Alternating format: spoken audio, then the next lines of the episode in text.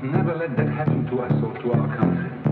We must never let ourselves be divided by race or color or religion. Because in this country we all belong to minority groups.